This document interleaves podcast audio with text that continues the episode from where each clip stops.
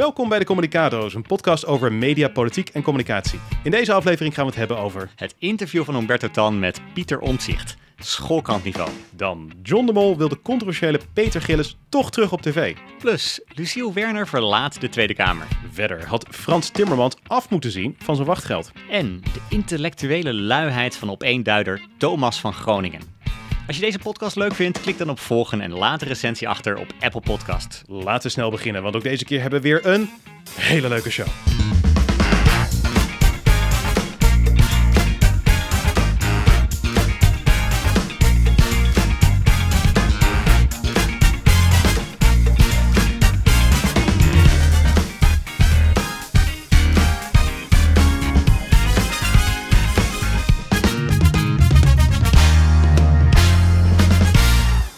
De laatste tijd regelmatig een dilemma, eh, Victor, bij programmamakers. En dat doet zich Mhm. voor wanneer je iets maakt wat goed bekeken wordt, maar waar een van de hoofdrolspelers in opspraak raakt.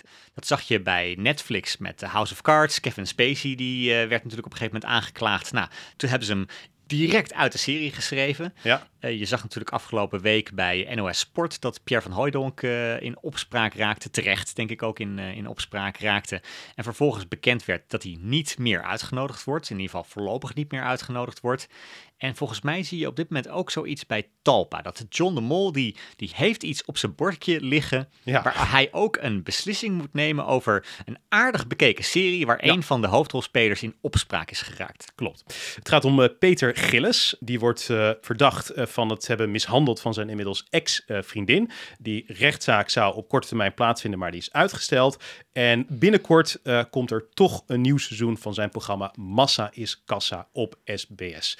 Nou, dat is natuurlijk iets wat heel veel kritiek heeft gekregen. Er zijn heel veel mensen die gezegd hebben dat dit een verbijsterende beslissing is. Daar ben ik het overigens ook volledig mee eens, want het zijn best wel ernstige feiten waar hij van verdacht wordt. En, en niet alleen dat eh, zou ik eraan willen toevoegen. Het beschikbare bewijs wat wij al kennen, hè, dus dat zal niet zoveel zijn als het Openbaar Ministerie. Dat vind ik al behoorlijk heftig. Hè? Dus Ja. dat hier dingen zijn gebeurd die niet door de beugel kunnen, dat is wel duidelijk. Maar desalniettemin krijgt die man toch een platform, primetime op SBS, om zijn imago op te vijzelen. Nou, die kritiek die deel ik wel. Ik begrijp deze beslissing echt totaal niet. Ik begrijp niet waarom ze dit doen.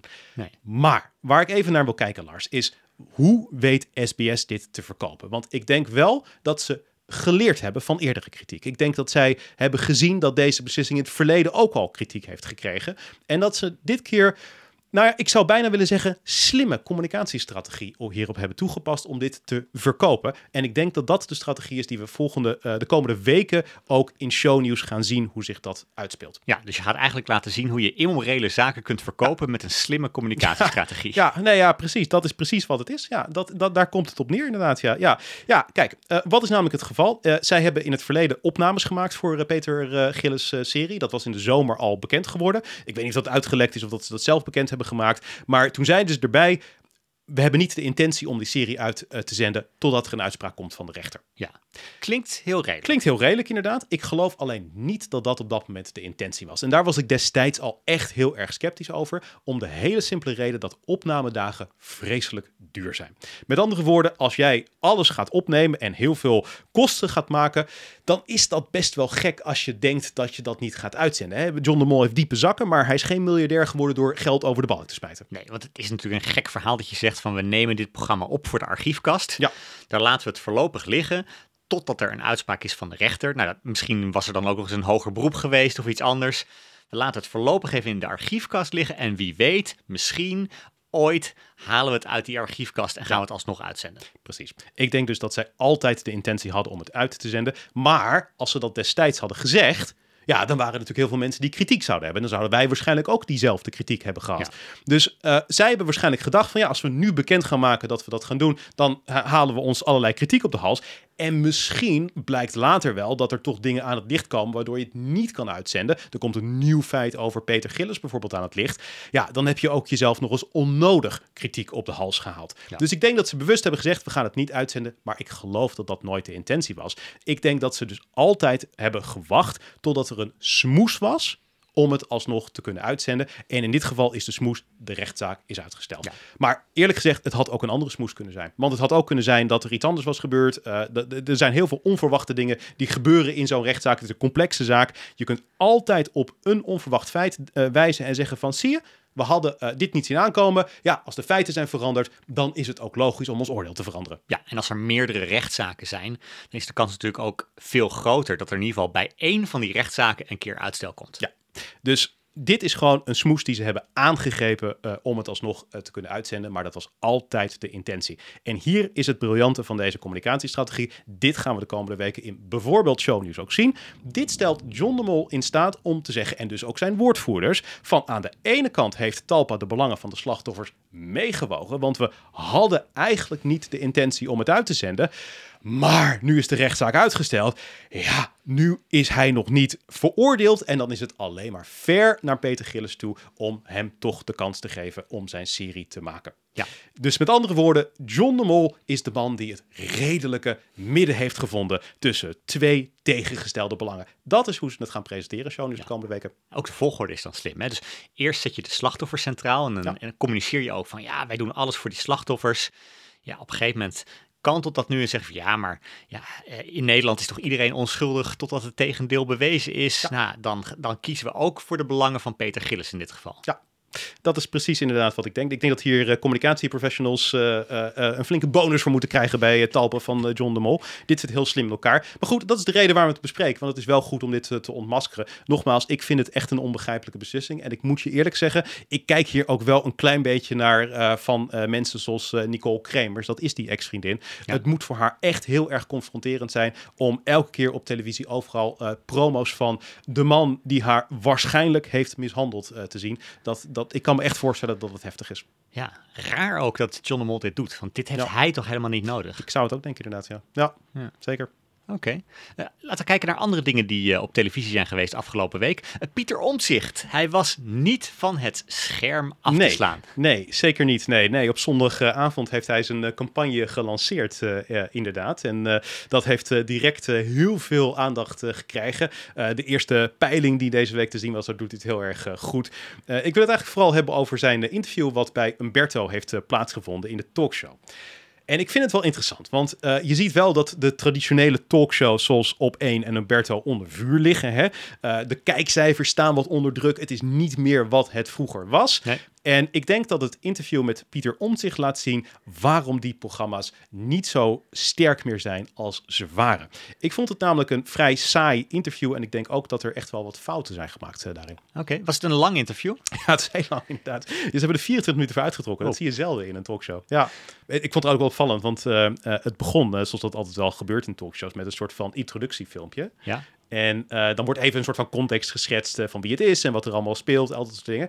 En ze hadden daar allerlei fragmenten centraal staan van het jeugdjournaal. Met andere woorden, de Umberto Tan-kijker kreeg de uitleg van het jeugdjournaal voorgeschoteld om uit te leggen wie Pieter Omtzigt was. Ik dacht wel op dat moment van, ik had het grote mensenjournaal hiervoor gebruikt hoor. Het jeugdjournaal ik voel me niet heel serieus genomen als kijker. Nee, dat zou ik ook als, als kijker op dat moment uh, raar vinden. Dat, ja. uh, dat je de introductie krijgt van het jeugdjournaal. Ja. Maar ja, kijk, het interview zelf uh, het duurde dus inderdaad vrij lang. Nou, dat kan ik op zich nog wel begrijpen, gezien het wel iemand is die heel erg nieuwsbepalend is in die week. Maar ik denk het grote probleem is, niemand had het over dit interview in de dagen na het interview. Nee. En ik denk dat dat iets is wat wel vaker gebeurt in uh, talkshows. Uh, er worden allerlei gesprekken daar gevoerd die qua behang op de achtergrond ja, best oké zijn. Het is best vermakelijk als je half zit op te letten. Maar volgens mij zou de ambitie van die programma's moeten zijn om agenda-zettend te zijn. Nederlandse verkiezingscampagnes zijn vaak televisiecampagnes. Eigenlijk zou elke talkshow, Umberto, maar ook op één, ernaar moeten streven om te zorgen dat zij gewoon iets toevoegen aan het maatschappelijk debat. Dat dat interview wat losmaakt. Dat het iets los krijgt wat we nog niet wisten over Pieter Omtzigt. Ja. Heb je daar voorbeelden van, van waar dat is gelukt? Uh, ja, ja, um, als je, ja, zeker. Ik denk um, een van de meest legendarische interviews van Matthijs van Nieuwkerk is natuurlijk zijn interview met uh, Martijn van Dam. Dat was destijds uh, kandidaat lijsttrekker van de PvdA. Kan je het nog herinneren? Ja, nee, daar, volgens mij, dat ging over. eh, hij deed het interview van Job Cohen na, volgens Ja. mij. Hè? Dat, eh, dat, dat halfje wit. Ja, precies. Ja, wat kost een casino wit inderdaad? Eh, en zo nog een paar vragen. En die wist Van Dam niet helemaal naar wens eh, te beantwoorden. En dat gebruikte Matthijs eigenlijk om te laten zien dat Martijn van Dam niet geschikt is voor het lijsttrekkerschap van de, VV, van de PvdA. Ja, hij gaf hem zelfs communicatieadvies. Hè? Ja, hij stopte ja. op een gegeven moment en zei van, Ja. stop nou eens hiermee. Dit had je gewoon moeten zeggen. Maar dat is een voorbeeld van een interview waar een hele scherpe invalshoek is gekozen, die ook echt veel los heeft gemaakt. Een ander voorbeeld vind ik het interview van eh, Jeroen Wollaars met eh, Wopke Hoekstra in eh, eh, 2021, eh, waarvoor hij Sonja Barend Award heeft gewonnen. Dat, dat is ook dat interview waar onder andere ook die gewone kiezers centraal stonden. Echt een heel goed interview. Ja. Ook daar is destijds veel over gesproken. Dat zijn interviews die wat losmaakt. Ja. En dat gebeurde hier dus duidelijk niet. Echt absoluut niet, nee. Ik heb ook het gevoel dat inderdaad steeds dezelfde vragen worden gesteld. Echt Hè, dus, dus ja. bij verkiezingsdebatten zie je dat ook wel eens. Dat eh, elk debat dezelfde stellingen centraal staan. En dan weet je van tevoren al eh, wat het antwoord gaat zijn bij een bepaalde stelling. Eh, wie is er voor, wie is er tegen. En ja, dat, dat heb je bij dit soort interviews denk ik ook al heel snel. Dat je eigenlijk voordat Pieter Omtzigt dan het antwoord geeft, eigenlijk al weet als kijker wat het antwoord gaat zijn. Ja, een voorbeeld daarvan is bijvoorbeeld de vraag: sluit hij de PVV uit? Nou, in heel veel, want hij, heeft dus, hij zat daar op dinsdag. Op maandag had hij ook al duizend en één media optredens. Die vraag had hij ook al van verschillende media gekregen. Eh, het is ook in verschillende programma's al besproken wat zijn antwoord daarop is. Als het nog een keer aan hem gevraagd wordt, is het niet zo heel verrassend wat hij daarover te zeggen heeft. Nee. Dus ik, ik, kijk, talkshow-redacteuren denken dan van... ja, maar niet iedereen kijkt al die programma's en volgt alle media. Dat is natuurlijk waar, maar het doel zou nogmaals moeten zijn... om iets toe te voegen aan het maatschappelijk debat. Iets wat we nog niet wisten over Pieter Omtzigt. Niet om dezelfde vragen door een ander persoon, in dit geval Umberto Tan, te laten stellen. Ja, oké. En, eh, en de andere vragen, waren die beter dan? Nee, nee, absoluut niet. Een van de vragen waar ik me echt aan ergerde, dat is de vraag die letterlijk werd eh, gesteld van, eh, ik heb even naar uw programma gekeken en ik heb op Ctrl F gedrukt en sport ingetypt en het woord sport kwam maar één keer voor in uw programma. Waarom is dat zo? Nou, dit is toch gewoon een toevoeging aan het maatschappelijk debat, dit. Maar ik, ik vind, maar ik vind dit, dit vind ik dus echt een voorbeeld van een, een vraag die op schoolkrantniveau zit. Ja. Want ook hier, je weet gewoon wat Pieter Omtzigt gaat zeggen. Ten eerste is het zo, laten we eerlijk zijn, het is een basisprogramma. Dat staat er heel, het is geen verkiezingsprogramma, het is een eerste basis. Het staat echt heel groot boven dat document wat hij online heeft gezet, wat zeg maar een soort van indicatie is van waar die politiek gezien staat. Het is niet een uitputtend ding. Dus Ja. natuurlijk gaat hij zeggen, het is een basisdocument, geen verkiezingsprogramma. En dat is precies ook ongeveer wat hij zei. Ja, ik heb eigenlijk nog twee problemen mee. Ten eerste is dit volgens mij ook niet het onderwerp waar de meeste kiezers zich echt druk om maken. Nee, denk niet. het is niet, ik, ik heb nog nooit iemand gesproken die zei van, nou, ik stem op deze partij, want die hebben zo'n goed programma op het gebied van sport. Precies. Nee, dat denk ik ook niet. Nee. En mijn tweede probleem is ermee dat als ik nou naar, naar de laatste verkiezingen terugkijk, en- Mhm. en, ik heb die verkiezingsprogramma's regelmatig gelezen, Ja. Ik zou bij God niet weten wat het verschil is tussen, zeg de SP of D66 Nee. of de PVV als het gaat om sport. Nee. Wat, wat is nou typisch een PVV-programmapunt op het gebied van sport? Ja, dat is een goede vraag. Ik zou ook geen idee hebben, inderdaad. Nee, nee, nee ik, ik denk inderdaad dat eh, dat, dat eh, iets is wat de meeste kiezers eh, niet zouden weten, inderdaad. Nee, nee, klopt, ja. ja.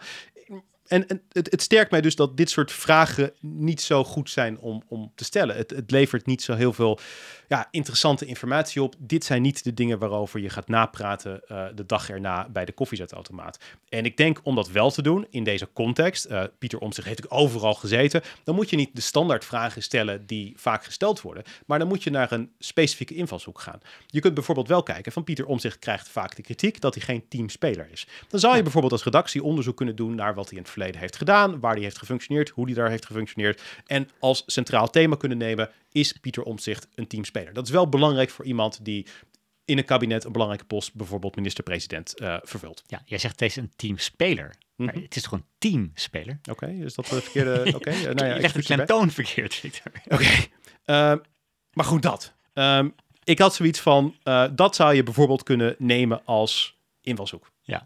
Ja, dit soort, dit soort interrupties kan jij nooit waarderen. Nee, nooit. je, het nee sorry, ik vind dat inderdaad enorm geneuzel. Ja.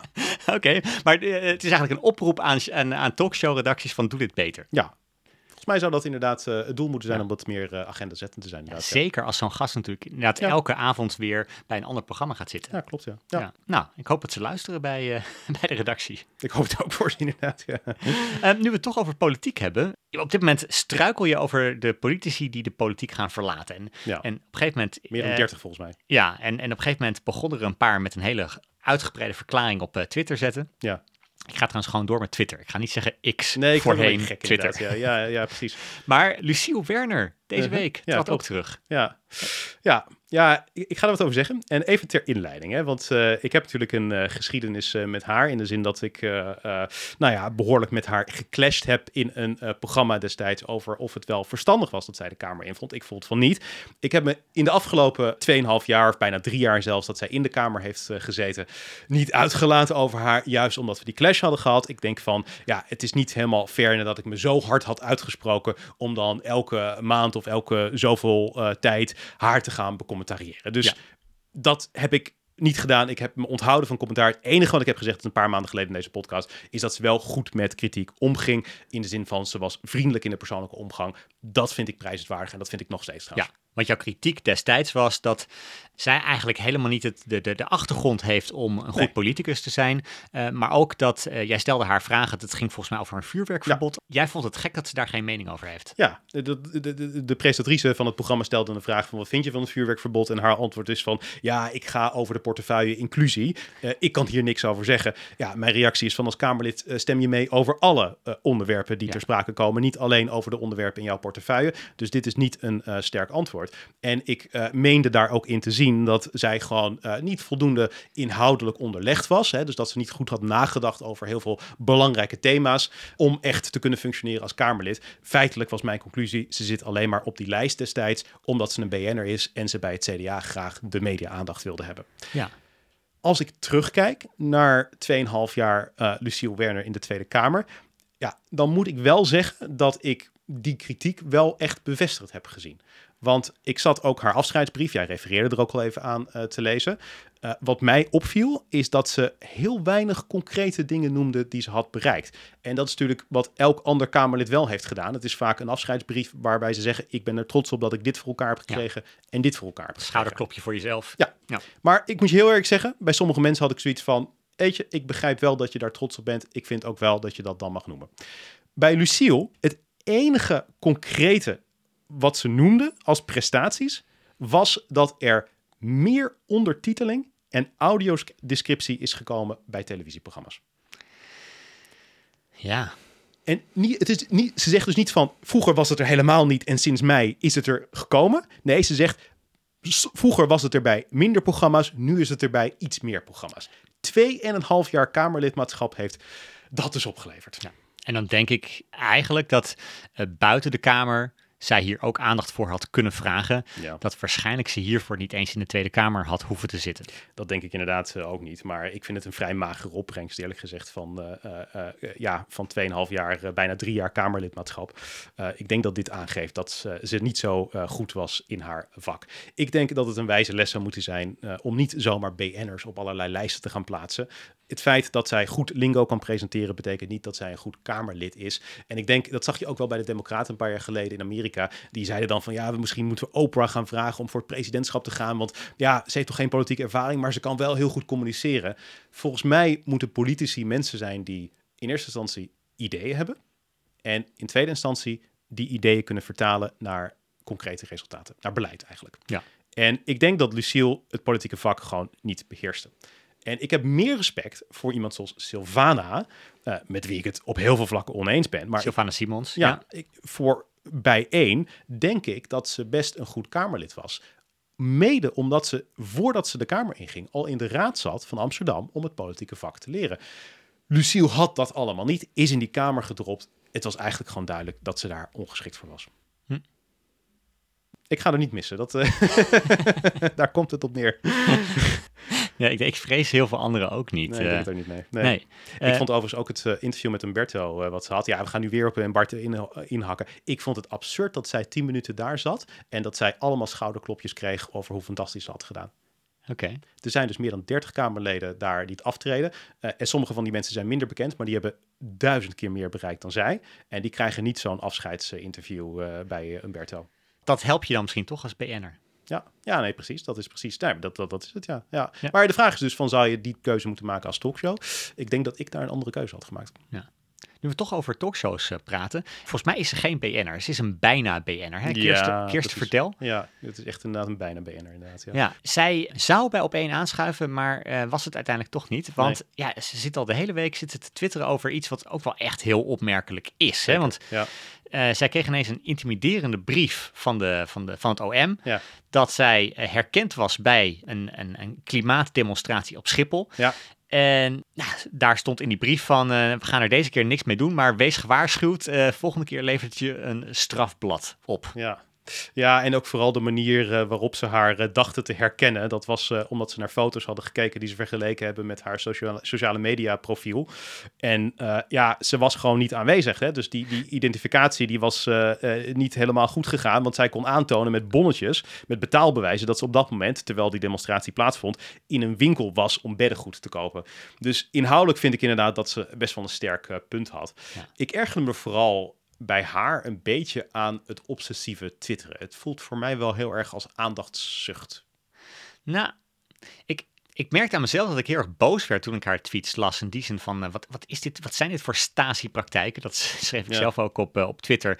En, en het- het- uiteindelijk kwam zij eh, in, de, in de database, zeg maar, in beeld bij de Marechaussee. Omdat zij kennelijk iets van een like heeft gegeven aan een Extinction Rebellion tweet. Ik dacht van, ja, dat, dat vind ik ook wel echt heel dubieus. Heel mager, ja zeker. Als je eigenlijk mensen gaat intimideren op het moment dat ze een actiegroep gaan liken op, op Ja. Twitter. Dus ik merkte in eerste instantie dat ik heel erg boos werd hierover. Dat had ik ook wel, ja.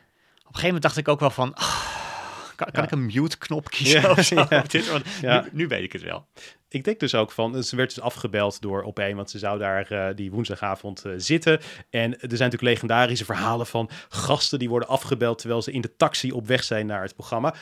Dat is vroeger bij de Wereld Draait Door ook gebeurd. Matthijs van Nieuwkerk stond erom bekend dat hij dat wel eens deed. Dat is niet zo heel vaak gebeurd. Hè? Dus de verhalen zijn vaker verteld dan het daadwerkelijk is gebeurd. Maar deze week gebeurde het wel met eh, Kirsten eh Verdelst. Is echt in de taxi op weg afgebeld. En het nieuws over Prigozhin, eh, de, de, de dood van hem, de, de leider van de voormalige Wagner-groep. Ja. Dat is inderdaad groter nieuws. Dus ik begrijp ook zeker dat ze die keuze hebben gemaakt. Maar het live erover twitteren allemaal, het was voor mij betreft ook een beetje too much. En ik denk ook wel dat dit Kirsten ervan weerhoudt. Want om een grote televisiester te worden, of überhaupt een bekend persoon te worden. Want ze is echt intelligent. Ze is ook iemand die van aanpakken weet. Dat zijn allemaal goede eigenschappen die vaak, nou ja, niet succes garanderen, maar die het mogelijk maken. En ik denk vooral dat die aandachtszucht er zo dik bovenop ligt, dat het vaak afstotend werkt. Hm. Ik vond een voorbeeld namelijk ook, want ik zat op haar Twitter eh, eh, te kijken en op een gegeven moment eh, zei een van haar volgers, toen ze was afgebeld door Opheen, van ja, maar jij kan toch ook meepraten over de situatie rondom Prigozhin? En haar antwoord was letterlijk, ik heb het er even bijgezocht, best wel ja. Maar ze halen Dirk Sauer en nog iemand de studio in. Nog iemand. Ja, een, een of andere flapdrol in plaats van mij, Kirsten Verdel. ja, ja. Nee, maar het antwoord best wel ja. Daar denk ik van, dat is denk ik wel echt een rood zijn voor heel veel talkshow-redacteuren. Want een expert is, de beste definitie van een expert is misschien wel iemand die de grenzen van zijn expertise kent. Die weet wat hij niet weet. En iemand die op Twitter roept van, ja, oh, ik kan ook best in een talkshow wat zeggen over de situatie rondom Prigozhin. Terwijl iemand geen enkele eh, Rusland-expertise heeft, dat vind ik ook wel inderdaad wat aanmatigend inderdaad. Dat, dat, dat geeft blijk van iemand die een hele grote mond heeft en die ongetwijfeld ook wel goed het nieuws volgt, maar waarbij er een gerede kans is dat er één ding is, wat misschien in de bijzin eh, gezegd wordt, wat later heel dom blijkt te zijn, waardoor er bakken met kritiek op haar, maar ook op het programma komt. Ik vond in coronatijd ik haar tweets wel interessant. Hè? Ze zat er echt wel bovenop. Dus ze twitterde Ja. veel, eh, veel eh, interessante dingen. Maar ik weet ook dat zij, zij bijvoorbeeld haar bevalling gelive tweet. Ja, ja. ja, dat is eh, een ander voorbeeld van die aandachtszucht inderdaad. Waarbij ja. we per minuut konden volgen hoe, hoe groot de ontsluiting was. Ja. ja, is jouw vriendin die onlangs is bevallen in die eh, verleiding gekomen? Nee, totaal niet. Nee, Nou, ze wilde niet eens dat, dat onze ouders dat zouden horen. Want ze had zoiets van, ja, dit is, eh, ik, ik ga geen medische update sturen van elke eh, verandering. Ze horen het wel als het kind geboren is. Ja. Ja, nee, dat eh, begrijp ik wel. Ja, ja, ja. Ik zou het ook iets anders hebben aangepakt in Hm. dit geval, denk ik. Maar goed, nou, het is haar keuze. Kirsten Verdel in ieder geval. Ja. Zullen we gewoon eens een keer iemand een pluim geven hier in deze podcast? Wacht even, jij gaat enthousiast zijn over iemand. Ja, Victor geeft een toe- pluim. Ja, we zijn tot nu toe wel negatief geweest over allerlei mensen. Dus laten we dit dus even een eh, draai geven. Nee, ik ben eigenlijk wel enthousiast eh, over eh, Guido den Aantrekker. Het is iemand die natuurlijk hoofdredacteur is van De Story. Hij is ook deskundige bij Shownieuws. Het valt mij op dat hij de laatste tijd echt heel goed op dreef is. He's on a roll. Ja, ja dat, dat kan je wel zeggen. Ja. Dat, hij is echt on a roll, inderdaad. Eh, er zijn veel spraakmakende meningen de afgelopen tijd daar geventileerd. Die interessant zijn geweest, waarover echt wordt nagepraat. En die ook daar dat programma een klein beetje op zijn kop hebben gezet. Want zijn specialiteit is toch wel een klein beetje om iets te roepen. Waar dan iedereen aan tafel het compleet en totaal mee eens is. Waardoor ze allemaal tegen hem ingaan. En vervolgens dat hij zichzelf gaat verdedigen. Ik moet je eerlijk zeggen, het is best leuke televisie. Oké. Ik vond het best aardig om te zien een paar keer. Dus hij snapt hoe tv werkt. Ja, en tegelijkertijd, het zijn ook meningen die gedurfd zijn en die spraakmakend zijn. Hè? Verrassend misschien ook wel. Want eh, een van de dingen die hij bijvoorbeeld onlangs eh, zei, was eh, dat die leerplichtambtenaren die nu André Hazes achter de broek zitten voor het meenemen van zijn zoon op vakantie in schooltijd, dat dat pennenlikkers zijn, dat dat mensen zijn die het heel ambtelijk zien en dat ze van hem een groot voorbeeld willen maken, dat ze veel te gretig zijn in het maken van een grote zaak hiervan. Nou, ik moet je eerlijk zeggen, ik denk niet dat ik het er helemaal mee eens ben. Maar ik vind het wel een prikkelende mening. En dat is wel wat je nodig hebt als eh, entertainment talkshow. Je hebt prikkelende mening nodig die ook een klein beetje tegen draad zijn. Je herkent gewoon een deel van jezelf in hem. Ja, dat denk ik wel. Dat denk ik wel. Het is, nou ja, ik, ik, ik, stiekem gewoon een zelfcompliment in. nou, nee, zo bedoel ik het absoluut niet. Nee, dat bedoel ik absoluut niet zo. Maar ik denk wel dat een, als je gaat kijken, van, daar heb ik er ook al over nagedacht, van wat is een interessante mening? En een interessante mening, dat, dat is wel iets wat vaak mensen aan het denken zet. Ja. Dus als je alleen maar, kijk, want een andere Maar mening. dit is toch niet een mening waardoor je aan het denken wordt gezet over de leerplichtambtenaar die ook gewoon maar gewoon de wet uitvoert? Ja, jawel. Want het is in de, nou, het is in de entertainmentwereld eh, ging iedereen ervan uit dat eh, eh, André Hazes daar gewoon vreselijke dingen had gedaan en dat dat een uitgemaakte zaak is. Hij zet daar een ander perspectief tegenover. Misschien wel een gretigheid van de Belastingdienst om van zo'n prominente zaak een voorbeeld te maken. Dus ja, dat is wel een Of van ander. de leerplichtambtenaar. Ja, Ja. ja. Maar ik bedoel, als je het vergelijkt met een minder interessante mening, dan is dat bijvoorbeeld Evert Zantegoed. Die vond dat Frans Duits niet zo moet pochen met zijn peperdure Ferrari. Dat is een mening waar ik het 100% mee eens ben. En toch is het een minder interessante mening. Weet je niet? Het is gewoon een standaard mening. ja. Acht van de tien mensen hebben, die heeft die mening. Ja, hekel aan mensen die pochen met hun rijkdom. Ja, in Nederland vinden we dat niks. En dat, eh, vi- in Amerika kan dat meer overigens. Maar in Nederland kan dat minder. Dat accepteren we gewoon niet zo van onze sterren. Eh, dus als je dat zegt, dat is een mening. Er wordt ook wel over nagesproken. Maar het is een minder interessante mening. Guido heeft vaak interessante meningen hier. Dat is wat zijn kracht wel is. Dat vind ik op zich wel te prijzen. En dat waardeer ik wel eh, aan hem. Oké. Dus eh, hem is nog een grote toekomst. eh, Nou, kijk, Ja. misschien wel dit, eh, Lars. Ik denk eigenlijk dat hij op dit moment Evert Zantegoeds aan het overklassen is. dat is nog een groter compliment. Nou ja, dat denk ik voor hem inderdaad wel, ja. Eh, want het, Evert is zijn eh, grote aardsrivaal. Oké. Die, zijn echt, eh, die, die, die, die, die liggen echt enorm in de clinch met elkaar. Ze hebben natuurlijk zijn beide hoofdredacteur van een ander roddelblad. Hè. Evert Zandgoed heeft de privé. Guido heeft eh, de story. Eigenlijk is Evert Zandgoeds de grootste mannelijke ster van eh Shownieuws. Hij zit er ook al sinds eh, eh, 2008, dus heel erg lang. Ja. En hij wordt nu overklast door zijn rivaal Guido den Aantrekker. Het is wel grappig dat als jij mensen een pluim geeft, dat er eigenlijk ook direct een kritische noot of een aanval op iemand anders wel bij hoort, zeg Ja, maar. maar je had net zo goed kunnen zeggen van, ik wil, ik wil hier een afzeik-item over Evert Zantegoeds nee, van maar zo maken. bedoel ik het niet, Maar iemand die het wel goed doet, is uh, Guido de Aantrekker. Nee, zo bedoel ik niet. Nee, ik, ik heb verder helemaal niks eh, tegen eh, Evert uh, Zantegoed. Uh, Integendeel, ik vind verder een hele aardige man. Maar ik, ik denk wel, er is natuurlijk altijd een soort van competitiestrijd in de media. Het is, het is, het is, het is een sector waarbij je altijd er, je, je, toch wel scherp moet uh, blijven. En ik, denk inderdaad, nou ja, Guido is dus on a roll. Helder. Ja, is helder.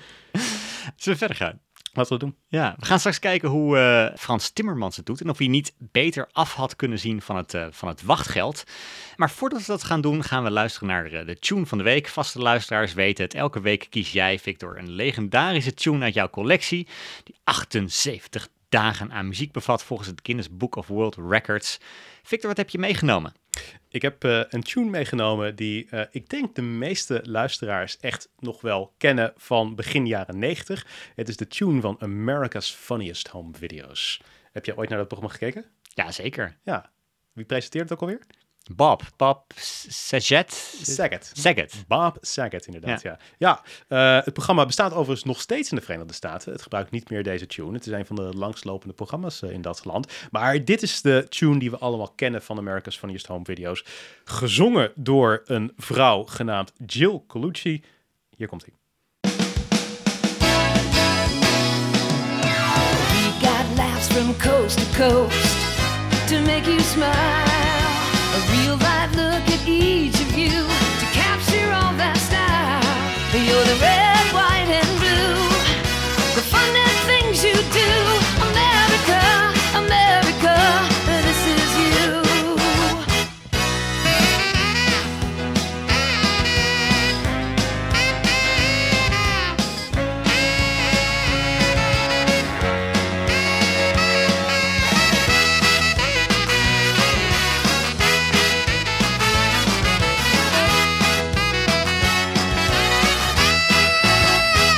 Je wordt er gewoon vrolijk van. Ja, Je hebt het gewoon bewust hier erin gezet, zodat we vrolijk worden halverwege de podcast. is een uh, vrolijk intermezzo. Ja.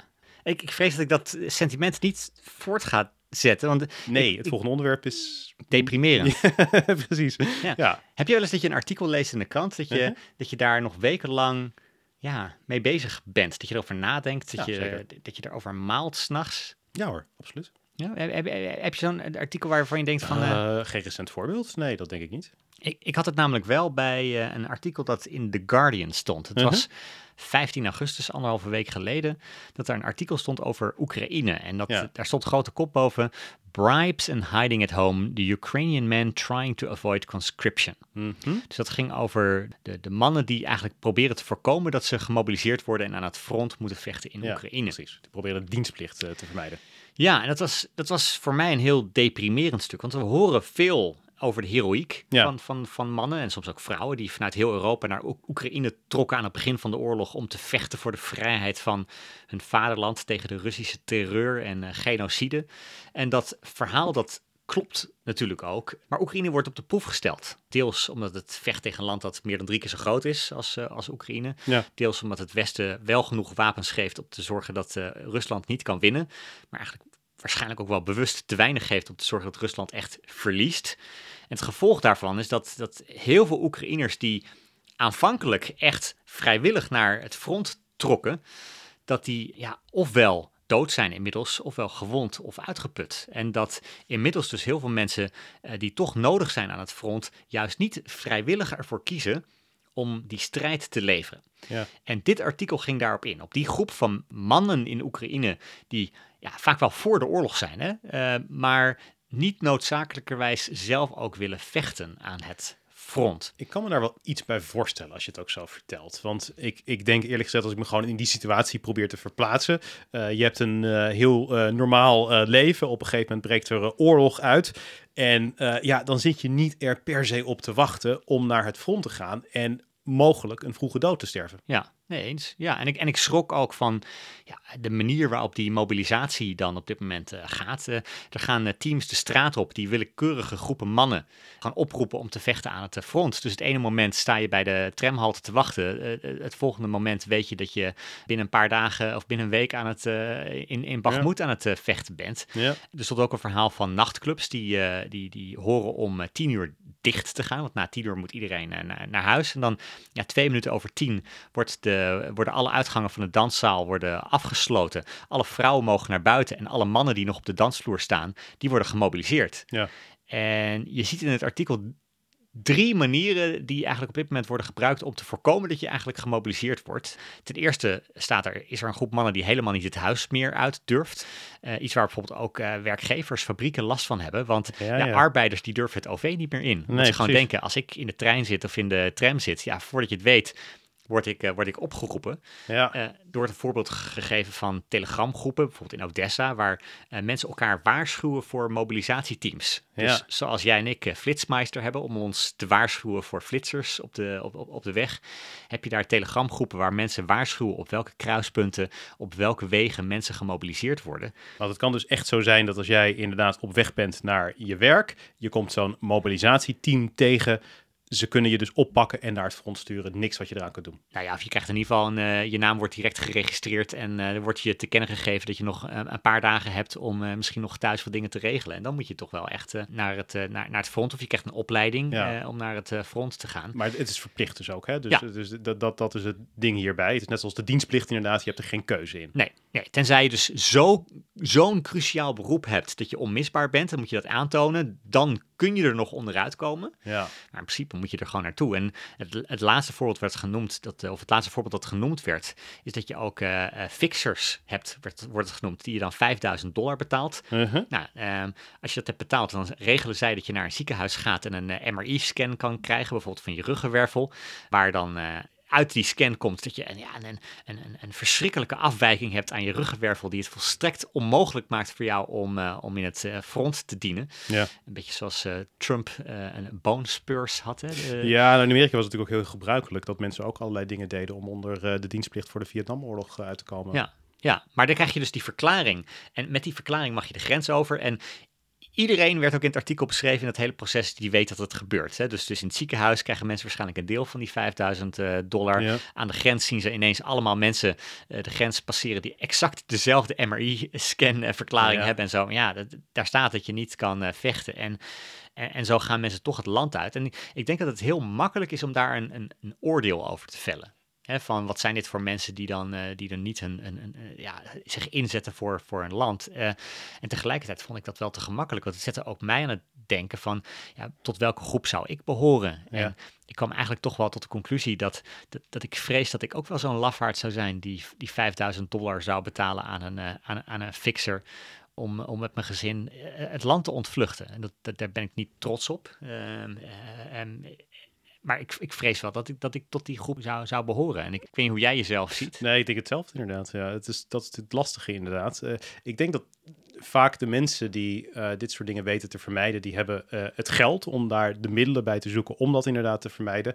En die hebben ook wel ja, de vaardigheid om voldoende praatjes en dat soort dingen te bedenken om er onderuit eh, te Ja. komen, om, om zich er onderuit te lullen eigenlijk. Ja, ja want dit 5000 dollar lijkt misschien niet zoveel, maar met de salarissen in Oekraïne Ja, nee, ik je het al snel vergelijken met meer zijn, ja. 25, 30.000 eh, eh, eh, euro in, eh, in Nederland, denk ja, ik. het het is natuurlijk zo'n grote kans dat je het niet eh, redt. Hè? Want eh, het is voor heel veel van de mensen die aan het front staan, ze zijn feitelijk kanonnenvoer. Ja, ik zou ook denken van een, een, een- ik weet niet of het een bijna zekere dood is, maar het, het komt toch wel als een heel groot risico. dat, dat is het zeker. Ik denk dat ik er heel veel aan zou doen om het te vermijden, inderdaad, Ja. als ik eerlijk ben, ja. Ja, ja, want we zien op de sociale media allemaal succesverhalen. En dan zien we van die drone operators die dan een handgranaat laten vallen op een tank en zo. En dan denken we met z'n allen van, oh, wat, wat, wat goed. Maar Ja, eh, in het artikel worden echt voorbeelden genoemd. Het zegt iemand van, ik ken iemand die van de straat werd geplukt en binnen een week moest vechten bij Bagmoed. En hij had nog Ja. nooit een wapen vastgehouden. jeetje. Nou, direct werd hij twee keer geraakt. Dat was eigenlijk nog zijn redding, dat hij het overleefd eh, heeft. Maar ook mensen die zeiden van ja, je, je wordt dan opgeroepen. Je krijgt een korte basale training in Groot-Brittannië om, om te kijken hoe je dingen moet doen. Maar ook binnen twee maanden van de oproep om te gaan dienen in Groot-Brittannië opgeleid worden. Moet je al vechten aan het, eh, aan, het, eh, aan, aan het, aan het front en kan je weer gewond raken. Allemaal binnen die, binnen Ja. die, die, die twee maanden dus. Eh, kijk, in een eerdere podcast analyseerden we dat bij draagvlak voor maatregelen moet je het gevoel hebben dat het nodig is, noodzakelijk is en dat het ook wel nut heeft. En Ja.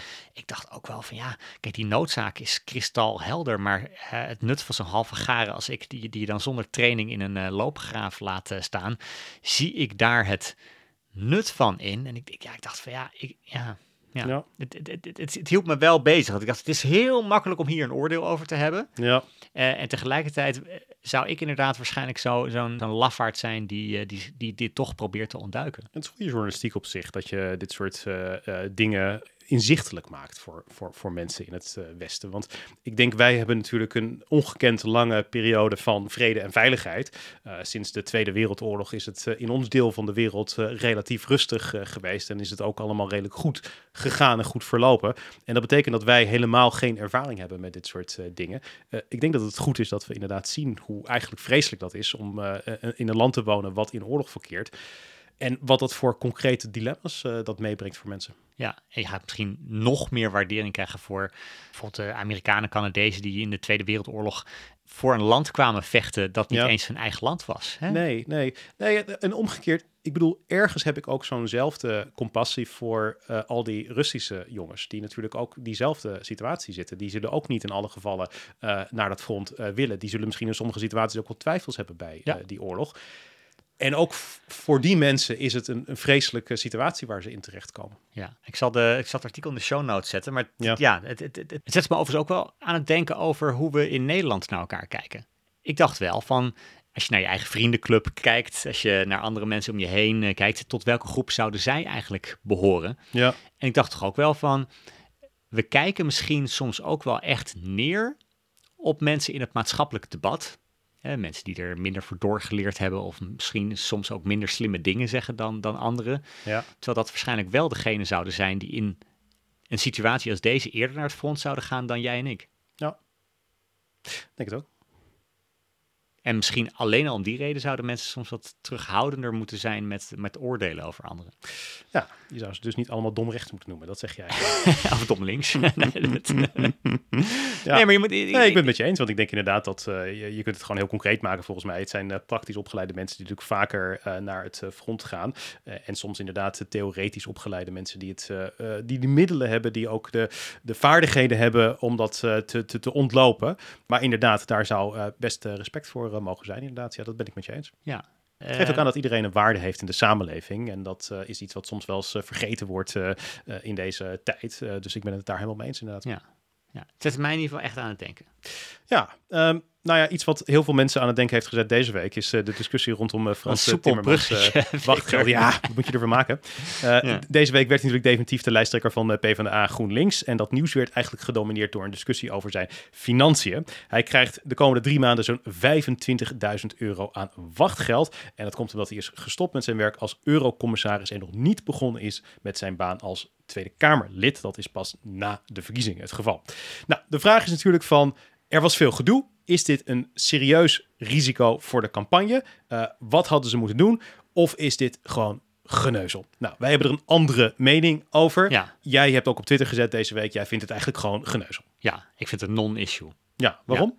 Nou ja, kijk, je hebt op dit moment een situatie waarbij zo'n beetje alle lijsttrekkers de komende maanden met belastinggeld betaald worden. Rob Jetten, die is minister van Klimaat en Energie, krijgt gewoon een ministersalaris, maar zal straks fulltime campagne voeren. Hetzelfde geldt natuurlijk voor Dylan Jezielkus. Ja. En al die Kamerleden die nu op eigen initiatief stoppen, 30 inmiddels al, Mhm. die krijgen ook gewoon wachtgeld. Dus laten we niet doen alsof het iets vies is. Hè. Wachtgeld is goed. Er is een, de reden dat we wachtgeld hebben. Het maakt je, het waarborgt de onafhankelijkheid van een eh, politicus. Ik heb ook honderd keer liever dat een Frans Timmermans nu wachtgeld krijgt dan bijvoorbeeld zijn eh, eh, voorganger Lely- Nelly Kroes, die geen wachtgeld nodig had als, als eurocommissaris, omdat ze direct aan de slag ging bij, bij Ja. Uber. En direct vanuit die rol probeerde dingen te beïnvloeden. Laten we niet zo moeilijk doen over iets wat gewoon wettelijk is, waar een goede reden voor is en wat ook een trivialiteit zou moeten zijn in zo'n belangrijke campagne als deze. Ja, ja ik, ik sta achter eh, wachtgeld. Ik, ik denk dat het eh, heel belangrijk is eh, om te zorgen dat er mensen van buiten nog willen toetreden tot de politiek. Want politiek werk is onvoorspelbaar. Je kan heel erg snel ineens zonder baan komen te zitten, zonder dat het ook je eigen schuld is. Het kabinet kan gewoon vallen en dan ben jij mogelijk je baan kwijt. Dus als je wil dat mensen van buiten toetreden tot de politiek, dan is wachtgeld gewoon een noodzakelijke regeling. Daar sta ik achter. Ik neem echter altijd wel mee bij dit soort dingen. Het is heel moeilijk uit te leggen aan mensen die beneden modaal verdienen, die elk dubbeltje moeten omdraaien, dat iemand eh 25.000 euro krijgt voor feitelijk niets te doen. Geen werk te doen eh, en dus eigenlijk eh, gewoon het voor niks krijgt. Ik begrijp wel dat daar scheve ogen zijn. En ik vind dat ook wel iets waar je een punt van mag maken. Ik kan me ook wel voorstellen dat dat goed is zelfs om dat punt even te maken, want daarmee voelen mensen zich wel gehoord. Dus dat vind ik er, van, dat, dat vind ik er begrijpelijk aan. Ik denk wat het punt voor Frans Timmermans is, en dat is waarom ik denk dat het een gevaar voor hem is. Wachtgeld is voor heel veel mensen die ontzettend eh, ja, een hele uitgekristalliseerde mening hebben over politiek, misschien niet het grootste probleem met hem. Eh, ik denk dat ik 47 problemen heb met Frans Timmermans en misschien nummer 46 is zijn wachtgeld. Er zijn grotere problemen die ik met hem heb. Maar politiek in democratieën wordt gedomineerd door eh, mensen die minder politiek betrokken zijn dan gemiddeld. En dat zijn vaak mensen die wel voor dit soort argumenten gevoelig zijn, omdat het zich heel makkelijk laat samenvatten in één woord. Het is een Uh, ja, gewoon simpelweg iemand die uh, een, een, een, hoe zeg je dat, een, uh, een zakkenvuller is. Dat, dat, dat is het woord wat ik zocht. Zakkenvuller. Weet je al, één woord, duidelijk, dat is wat je van hem vindt. Ja, maar dat, dat, dat argument is waarschijnlijk toch wel gekomen. Want iemand die 30.000 euro verdient bij de Europese ja. Commissie, had dat label waarschijnlijk toch zou wel kunnen, ja. En dat is ook een beetje het probleem wat ik hiermee heb. Sommige mensen zeggen van, had maar afgezien van het wachtgeld hier. Ja, sommige mensen zoeken gewoon een stok om mee te slaan. Hè. Dan, dan waren mensen Ja. waarschijnlijk naar Funda gegaan, hadden ze gekeken naar het huis wat hij gekocht had. Als er niet een goed energielabel was geweest in zijn huis in, eh, in Maastricht, Ja. dan was dat ineens een campagne Zou issue kunnen. geweest. Als er een kroonluchter had gehangen in de hal, dan was dat ineens het issue geweest. En Ja.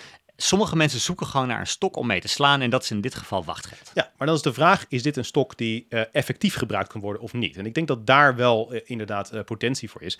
Ik denk het effect deze week was in ieder geval dat bij de campagnelancering het gegaan is over zijn financiën en niet over zijn inhoudelijke thema's. Dus hij heeft het niet kunnen hebben over wat hij wil doen voor het klimaat. Dat is een van zijn speerpunten van zijn campagne. Daar is het niet over gegaan. Dus net zoals James Carville, de adviseur van Clinton, die ooit eens een keer zei, je moet altijd in de aanval gaan, want als jouw tegenstander mijn gebalde vuist in zijn mond heeft, kan die geen lelijke dingen zeggen over jou. Dat is wat hier deze week ook is gebeurd met Timmermans. Timmermans kon niet over zijn eigen thema's praten, zolang het ging over de wachtgelddiscussie. Dat is korte termijn. Op langer termijn denk ik dat het gevaar voor Timmermans is dat dit gebruikt wordt om hem af te schilderen als elitair. En nogmaals, het is een vrij makkelijk en begrijpelijk eh, punt van kritiek, waar een soort van breder iets achter zit.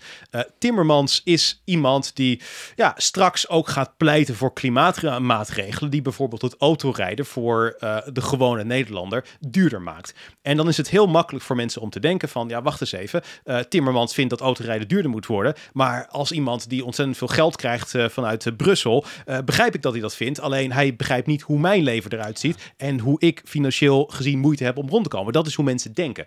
Dus ze zien hem niet als een van hen, maar iemand die op afstand staat, die tot de elite behoort, die uit Brussel komt, die niet weet wat de gewone Nederlander doormaakt. En dat is voor een politicus denk ik altijd een heel groot risico. Ik vind dat altijd een beetje een gelegenheidsargument hoor. Want ik kan me niet herinneren dat mensen vroeger bij Pim Fortuyn zeiden van... Oh, maar hij heeft een villa, hij heeft een huis in, eh, in Italië, hij heeft een butler, hij heeft Nee. een Bentley. Maar mag ik verklaren waarom dat dan zo is? Nou, heb je de verklaring? Ja, dat denk ik wel. Omdat Pim Fortuyn standpunten uitte waar iedereen het mee eens was. Tenminste, het gewone volk het mee eens was. En heel veel mensen zeiden, het waren Waar niet zijn mee achterban het mee eens was. Nee, waar, waar, waar het gewone volk het mee eens was. Dus hij liet zien dat hij tot het gewone volk behoorde door dingen te zeggen waar zij het mee eens waren. Het probleem met Frans Timmermans is dat hij elitaire standpunten heeft. En voor mensen die elitaire standpunten hebben, is het belangrijker om te laten zien dat je wat hebt met het gewone volk, want het blijkt niet uit je standpunten, dus het moet uit iets anders blijken. Ja, dat hij Roda JC-fan is. Ja, dat soort dingen worden er dan bijgehaald inderdaad. Ja. Ik, Ja. ik, de, de reden dat ik hier eigenlijk eh, niet zoveel gevaar in zie, is dat eigenlijk zou je een soort van Venn-diagram moeten maken van aan de ene kant de mensen die dit echt een heel groot issue vinden. En Ja. ik zag ook wel op de sociale media, die, die mensen waren er absoluut. Zeker. En een cirkel met en de mensen die overwegen om op hem te stemmen. Ja. En op het moment dat die twee cirkels nou heel erg zouden overlappen, dan heb je echt wel een probleem. En Ja. dat zag ik hier eigenlijk absoluut niet. Je zag hier vooral dat mensen aan de rechterkant van het spectrum dit een heel groot probleem leken te vinden. Als er mensen aan de linkerkant van het spectrum al iets over zeiden, dan was dat vaak ter verdediging Zeker. van Frans Timmermans. Dus in de politiek zie je heel vaak dat er dingen spelen die eh, sommige mensen echt heel belangrijk vinden, maar dat wordt Ja. pas een issue als de potentiële achterban het een ding vindt. En Ja. dat zag je bijvoorbeeld dat eh, Thierry Baudet, die weigert zijn bijverdiensten openbaar te maken, wordt op dit moment een derde gekort daardoor op Ja. zijn kamersalaris. En het interesseert inderdaad de forumkiezer helemaal niks. Nee, Nee. ik begrijp wat je zegt daar. Alleen dat gaat wel uit van hoe de situatie er nu uitziet. En dat is niet noodzakelijk hoe de, eh, noodzakelijkerwijs hoe de situatie eruit ziet op 22 november als de verkiezingen zijn. En de vraag is van, kan dat veranderen? Ik denk dat dat kan veranderen. Wat je in Amerika ziet, want er is heel veel onderzoek gedaan waar eh, in dat land naar, naar, naar negatieve spotjes, aanvalspotjes. Want er wordt natuurlijk echt heel negatief campagne gevoerd. En een van de effecten, eh, een van de meest, ehm, ja, eh, de meest duidelijke effecten van dat soort aanvalspotjes is dat eh, de achterban van een kandidaat die wordt aangevallen minder enthousiast is om naar de stembus te gaan. Dus ze komen in kleinere getallen opdagen. Eh, in Amerika kan dat het verschil maken en heeft dat waarschijnlijk ook wel eens het verschil eh, gemaakt. Dat zou ook het geval kunnen zijn bij Frans Timmermans. Dat uiteindelijk na maandenlange aanvallen over zijn eh, wachtgeld, financiën, elitaire status, dat er sommige linkse kiezers minder gemotiveerd zijn om op hem te stemmen. Die blijven of thuis, of die gaan bijvoorbeeld op Rob Jetten of Lilian Marijnissen stemmen ook dat kan uiteraard Ja. een verschil maken bij eh, wie de premier wordt. ben ik totaal niet bang voor. Want dit is eigenlijk natuurlijk precies de aanval die vier jaar geleden ook al werd geplaatst. Hè. Toen was hij eh, lijsttrekker bij de Europese verkiezingen. Dat hij elitair zou zijn, dat hij te veel zou verdienen, 30.000 euro Ja. per, eh, per maand. Dat zijn precies de argumenten waar hij echt maandenlang keihard op werd eh, aangevallen. De grootste verkiezingsoverwinning in de recente geschiedenis. Ja. Dus dus voor, voor de Partij van de Arbeid hij had er alleen maar baat bij. En hoe harder hij werd aangevallen, hoe meer mensen zoiets hadden van: wat is dit een onredelijke aanval? En ik heb echt geen mensen gesproken nu die zeiden van jeetje, jeetje, wachtgeld, ik ga niet meer op hem stemmen, maar was dat eerst wel van plan? Want dit zijn echt alleen maar ja, mensen maar je die... zegt toch niet dat elke aanval goed is? Eh, hoe meer er over je gesproken wordt, het is toch niet altijd beter? Nou, ik denk dat in een, in een eh, Nederland hebben we natuurlijk een situatie waarbij helaas er vooral een soort van premiersverkiezing van wordt gemaakt. En ik denk dat op het moment dat het eh, in de aanloop naar de verkiezingen vooral gaat bijvoorbeeld over Frans Timmermans en Pieter Omtzigt, dat de kans heel groot is dat zij het heel goed gaan doen. Ongeacht of daar positief of negatief over hen wordt gesproken. Want in zo'n soort van premierstrijd, die er dan vaak wo- van wordt gemaakt in de media, telt voor een belangrijk gedeelte ook wel van hoe vaak hebben mensen het over jou. Ja, ja, kijk, ze hebben natuurlijk ook over de kandidaten die het eh, goed doen in de peilingen. Dus het, gaat, eh, het werkt wel eh, twee kanten op. Ik, ik denk wel dat wat er over je wordt gezegd wel degelijk van belang is. Ik ben het op zich met je eens dat het campagnespotje van de SP over wat zij noemde Hans Brusselmans, hè, waar feitelijk Frans Timmermans in werd geportretteerd als een corpulente man die ver van het gewone volk afstond. Dat werkte inderdaad niet. Neem niet weg dat die uitvoering ook wat, ja, zeg maar, weinig subtiel was. En dat een, misschien een, een, een betere versie van die aanval wel degelijk eh, zou kunnen werken. Ja. We weten dat beide niet. Dat moeten we natuurlijk ook maar gaan zien eh, de komende tijd. Eh, we weten niet hoe het gaat verlopen. Er zullen momenten zijn dat het beter gaat voor Frans Timmermans dan misschien op dit moment. Maar ik zou, als ik de P van de A en GroenLinks was, het niet per definitie wegzetten als iets wat geen enkel gevaar is. Want dat, dat lijkt mij te optimistisch in deze situatie. Mag ik nog één ding hier aan analyseren? Want het ging op een gegeven moment in de talkshows ging het wel heel erg over dit onderwerp. En dat Ja. werd volgens mij voor een belangrijk gedeelte ook veroorzaakt door één duider bij op één die hier een groot punt van maakte. Ja, Ik ben geen fan van hem, dat, eh, dat, dat weet jij ook. Eh, je hebt het al eerder Thomas- over hem gehad inderdaad. ja, Ja, Thomas, van Groningen. van Groningen. Eh, iemand die ik toch echt ongelooflijk ja, ja, intellectueel lui, journalistiek laf vind. Praat liever over de poppetjes en trivialiteiten dan... Want dan hoeft hij de inhoud eh, niet te lezen en te snappen. Nee. Dat zag je hier wel terugkomen. Want even voor de duidelijkheid, ik vind best dat je een vraag mag stellen over, eh, over wachtgeld. En de discussie moet hier volgens mij ook niet zijn.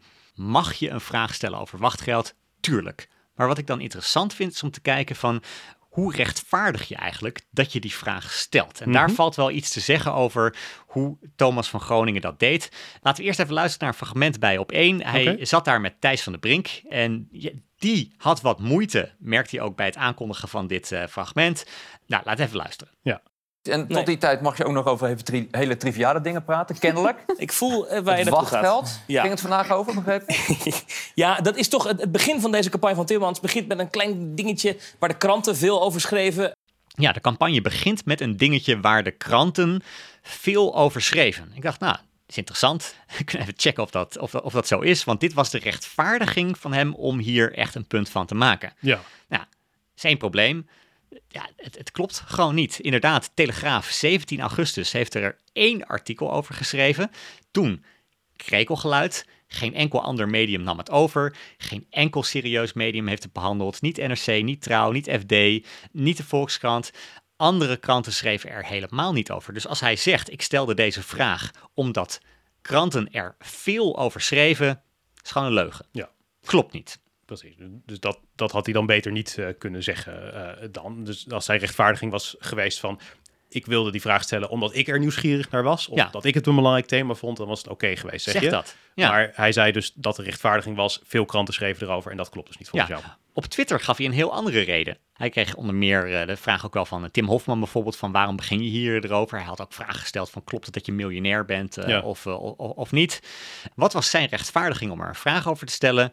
Ja, een andere collega naast hem die had er ook een vraag over gesteld en dat hoorde hij. Toen dacht hij ja, dan stel ik er ook een vraag over. En toen dacht ik van dit is toch wel een van de meest bizarre redenen om te rechtvaardigen dat je een vraag stelt. Dus als je buurman een vraag had gesteld over welke kleur onderbroek eh, Frans Timmermans had gehad, dan hadden we hier waarschijnlijk bij op één gezeten met een vraag van Thomas van Groningen die vroeg eh, welke kleur onderbroek Frans Timmermans heeft. Dus ik dacht opnieuw, ja, hij zegt gewoon feitelijk gewoon, ik papagaai gewoon de, de, de vragen van andere journalisten. Dat is mijn rechtvaardiging. Daarom mag ik er een vraag over stellen. Ja, precies. Oké. Ja. Niet de beste rechtvaardiging. Ehm, en als laatste, weer terug naar op één. Dit is een derde rechtvaardiging die hij gaf voor het stellen van de vraag.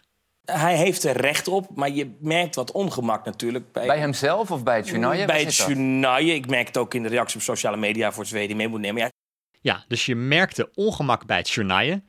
Nou denk ik van ja, ik leef echt mee hoor met armzalige eh, of armlastige journalisten die uitgeknepen worden door DPG Media, de persgroep of door de, de NPO, die waarschijnlijk veel beter betaald zouden moeten worden dan ze op dit moment worden.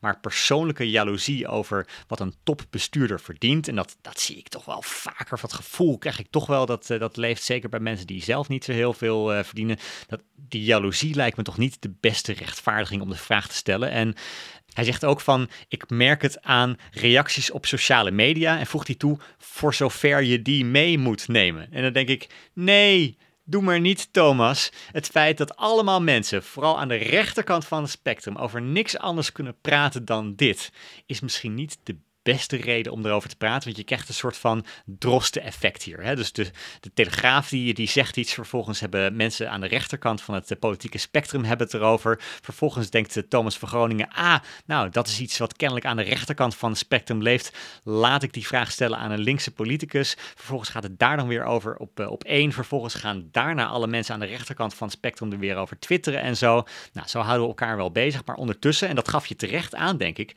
ging het helemaal niet over de belangrijkste thema's van deze verkiezingscampagne. Als het gaat over bestaansrecht, als het gaat over klimaat. wacht even, Frans Timmermans vindt dat de belangrijkste verkiezingsthema's. hè? Dat, betekent niet dat de kiezers dat de belangrijkste thema's vinden. Eh, Het is de kiezers ehm, hun recht om te zeggen van wij vinden een discussie over wachtgeld de belangrijkste discussie die plaatsvindt. Ja, maar het is denk ik toch ook wel jouw taak als, als, als eh, verslaggever om dan kritisch door te vragen van, hé, jij vindt dit een belangrijk punt in, de verkiezing, in deze verkiezingsstrijd.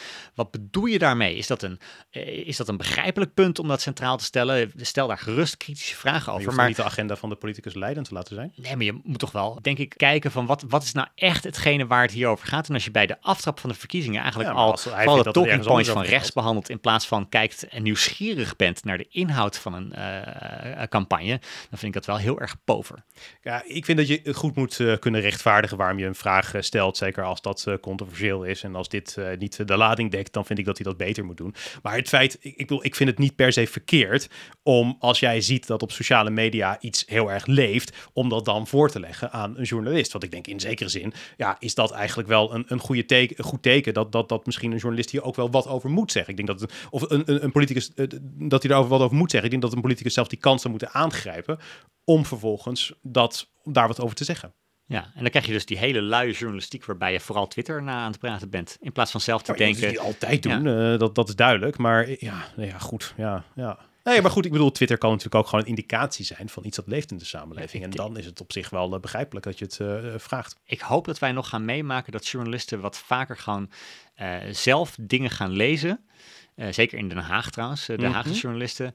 In, in plaats van vooral naar een timeline te kijken en daar inspiratie uit te halen over welke vragen ze moeten stellen aan een politicus. Nee, je moet ook zeker niet alleen maar naar eh, Twitter kijken, inderdaad. Nee, dat ben ik helemaal met je eens. Maar dat is denk ik wel iets wat iedereen natuurlijk vindt. Maar journalistiek moet natuurlijk wel relevant zijn. Hè? Dat, je moet niet... Kijk, het is heel erg leuk dat Frans Timmermans over klimaat wil praten. Maar dat betekent niet dat een journalist de plicht heeft om ook over klimaat te praten. Nee, maar dat je in ieder geval nieuwsgierigheid toont om te, te willen begrijpen wat daar dan de belangrijkste punten zijn. Ja, maar wat uiteindelijk de taak is van een journalist, is om te zorgen dat de vragen gesteld worden die de mensen uiteindelijk beantwoord willen hebben. Het zijn de kiezers die bepalen wat relevant is in een eh, eh, verkiezingsstrijd. Ik denk dat hier eigenlijk vooral de rest van de week het vooral over wachtgeld ging, omdat Thomas van Groningen het zo nadrukkelijk agendeerde bij eh, op één. Ja, precies. Nou, dat, het, het, het maakte wat los inderdaad. Het resoneerde. Maar dat, dat geeft voor mij aan dat het stellen van de vraag dus kennelijk niet zo'n hele verkeerde beslissing was.